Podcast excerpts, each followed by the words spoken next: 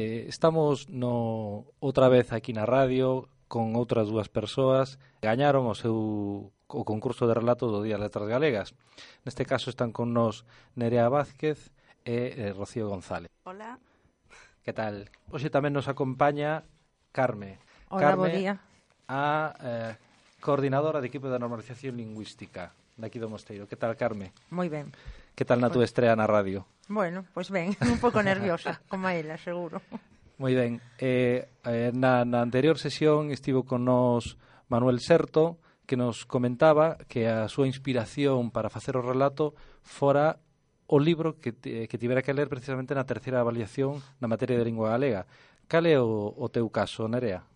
Eh, bueno, pois eu, máis que nada, estudiando historia, inspireime.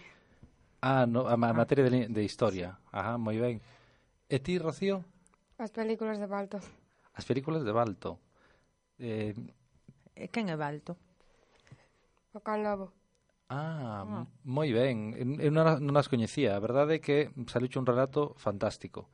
Eh, pois nada, eh, esperabades ser as vencedoras. Sabedes que os tres premios que se entregan son ao mesmo nivel, non é nin primeiro, nin segundo, nin terceiro, estades as tres ao mesmo nivel. Esperabades levar o premio? Foi unha sorpresa? Mm, home, un sempre fai para gañar. en, en primaria recibirades algún premio? Nerea, ti? Eu gañei as dúas edicións anteriores. Ah, vale. Logo, ti estás xa moi curtida nestas lides. E ti, Rocío? Eh, non. non. Nunca gañaras? Estás eh. contenta? Sí. Sí. Rocío, a ti que che gusta máis? Ler ou escribir? As dúas cousas. Gustas as dúas cousas. E no teu caso, Nerea? Eu le, eh, ler non. Eu sou máis de inventar historias. Mm, para inventar historias hai que ter historias tamén, sí, eh, e ao mellor inspirarte, ler, ler, ler, moito. ler ou sí. bueno, non só ler tampouco, ao mellor vendo programas, vendo películas. Sí, ou... para saber escribir ben hai que ler bastante. Moi ben pois chegou a hora de, de darlle paso á, á literatura en sí. Vai empezar Rocío co seu relato, vanos eh, as propias autoras son as que van ler o seu relato. E eh, nada, Rocío, cando queiras. Balto, un héroe que fixo historia, dirixiuse ao armario, abriu a porta e buscou a roupa que necesitaba. Había abundancia de camisas e pantalóns, pero nin unha súa chaqueta, Entón escoitou unha voz que o estaba a chamar. Marcos, ven aquí, dicía aquela voz descoñecida dende fora da casa. Marcos abriu a porta, pero non viu a ninguén.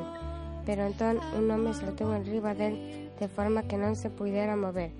O home loitou contra el a Marcos até deixalo inconsciente.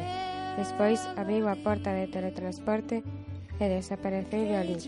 Por sorte, un candobo chamado Balto viuno todo e logrou pasar pola porta xusto antes de que se cerrara. Cando Marcos despertou, tiña atadas as mans e os pés. Marcos viu a Balto e asustouse moito. Pero Balto díxolle, tranquilo, non te asustes, non son un lobo, senón un candobo. Chámame Balto, e estou aquí para axudarche.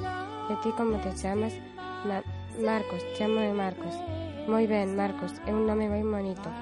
Marcos sorriu. Tal vez Balto dicía a verdade. Balto conseguiu desatar a Marcos, pero non tiveron tempo de escaparen, pois o home viunos. Corre, dixolle Balto a Marcos. Pero que pasará contigo? Preguntoulle Marcos. Non quero que che pase nada. Non te preocupes por min, ti corre. Marcos obedeceu, aínda que estaba preocupado polo seu novo amigo. O home ia disparar a Balto, pero este esquivou o impacto. Entón, Balto saltou sobre o home Xusto cando este apretou o gatillo. A bala rebotou e foi parar o home, que morreu. Marcos alegrouse moito cando veu a Balto pois sair dali dunha súa peta. Pero non só estaba Marcos, tamén estaban Milú, Spirit, Tintín, Hernández e Fernández, Nemo, Ariel, Flounder, Aladín, Simba, Jasmine, Mufasa, Sebastiana Cangrecho, escapando do chef, como sempre, e moitos máis dos que non reconto os seus nomes. Hai que ver que rápido se fixo así de famoso Balto.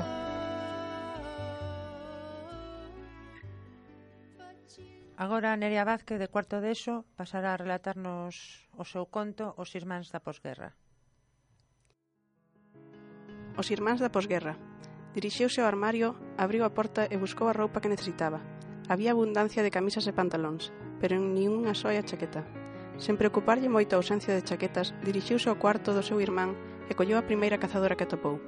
Quedáballe algo grande, pero taparíalle mellor o frío invernal que caracterizaba aquel mes de xaneiro tan distinto de outros anos.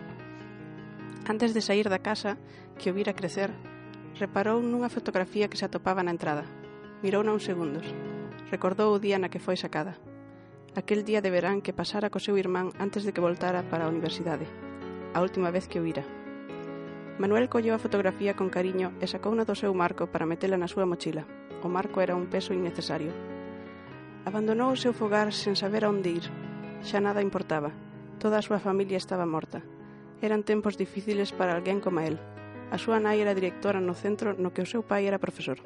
Fusilárannos aos dous por opoñerse ás leis de Franco.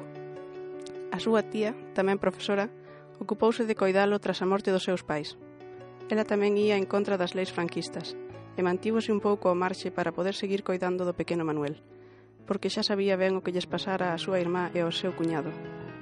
En canto ao seu irmán, foi imposible sair do país para voltar á Universidade de Francia na que estudaba.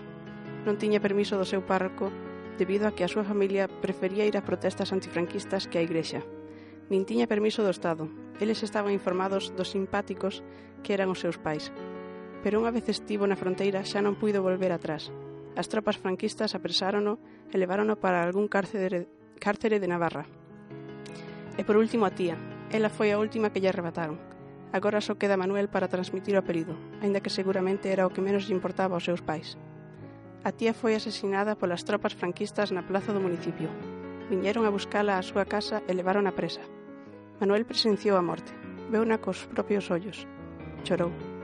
Agarrou o peito, pensou que a dor llo ia estoupar. E ali mesmo xurou para el que nunca se rendiría. Hoxe, media hora despois da morte da súa tía e da fuxida da súa casa, viaxa nun coche hacia a fronteira francesa. Con el vai o noivo da súa tía. Amábanse en segredo e eso mismo permitiulle seguir con vida ata agora. Non se din nada. Ambos os dous están doídos pola perda e saben que lles espera o mesmo se non cambian de ideoloxía. Manuel non está moi metido no mundo comunista, pero si sí o seu acompañante, que xa sufriu torturado e viveu uns anos no cárcere. Antonio sabe o que lle fan a xente como a él, e aínda así non cedeu á depuración. Por que ia a facelo Manuel? Pasaron varias horas ata que Antonio e Manuel chegaron a Navarra. Tiveron que cambiar as súas documentacións varias veces para non ser descubertos. Manuel estaba emparentado co bando comunista e Antonio era unha cara conocida dos rebeldes buscados polas autoridades. Manuel estaría mellor sin él, sin que o re relacionaran cun rebelde, pero sin el non sabería onde ir nin que facer. Agora dirixíase a Francia coa esperanza de atoparse cun bello amigo de Antonio. Sabían que sería difícil cruzar a fronteira. Pepe esperaba ao outro lado. Entón Manuel douse conta de que o seu irmán, que pensaba que estaba felizmente estudando na universidade, non sería capaz de cruzar. A única maneira de cruzar é por infiltramento de franceses comunistas. Raúl nunca se relacionaría con elas, replica ya Antonio. Seguro que teu irmán cruzou. Leva dous anos relacionándose con eses que chamas rebeldes. Non, a él non lle gusta a compañía rebelde. Non lle interesa a política. A ninguén lle, lle gusta a política, Manuel. Sinto, aquí separámonos. Non penso cruzar. Vou a buscar a meu irmán polas aldeas próximas. Non pode andar moi lonxe. Antonio pon un aceno de desesperación na cara, Ainda que non lle importe demasiado o que faga Manuel, No fondo quere protexelo porque é sobrinho da súa difunta noiva, e era como un fillo para ela. De todos modos, cada un sigue o seu camiño. É a última vez que se ven. Manuel queda co coche. Antonio non o pode pasar pola fronteira. Busca por todas as aldeas, todas as cidades, todos os recunchos de Navarra, ata que se decata, xusto antes de seguir buscando noutra comunidade autónoma, de que onde levan os que intentan levar a fronteira. Todo aquel tempo evitando cruzar e era aí onde tiña que buscar. Primeiro vai polas boas e pregunta nos cárceres cercanos por Raúl. Pronto se dá conta de que non sirve de nada. Tras unha semana de reflexión, decide facelo. Decide intentar cruzar a fronteira coa esperanza de que o leven ao mesmo cárcere ca o seu irmán. E o único modo de saber se está aí. O seu plan ten éxito, leva máis golpes dos esperados, pero consigue o que quería. Xa está no cárcere. Agora só ten que buscar a Raúl. Non pode ser tan difícil, pensa Manuel. Pero as instalacións son grandes e pasan uns días até que o atopa. Encontra o delgado e con mal aspecto, como se non dormira durante días. O encontro é tan emotivo que Manuel chora, e Raúl quixera facelo, pero non ten enerxía suficiente para chorar. Os anos transcurren e finalmente son liberados. Primeiro Raúl e despois Manuel. Un espera ao outro. Tan pronto son libres os dous, non pensan en voltar a Galicia. Non pensan en ir a ningures. Só en permanecer xuntos e calados, esperar a que a tormenta se calme e entón vivir felices olvidando o pasado.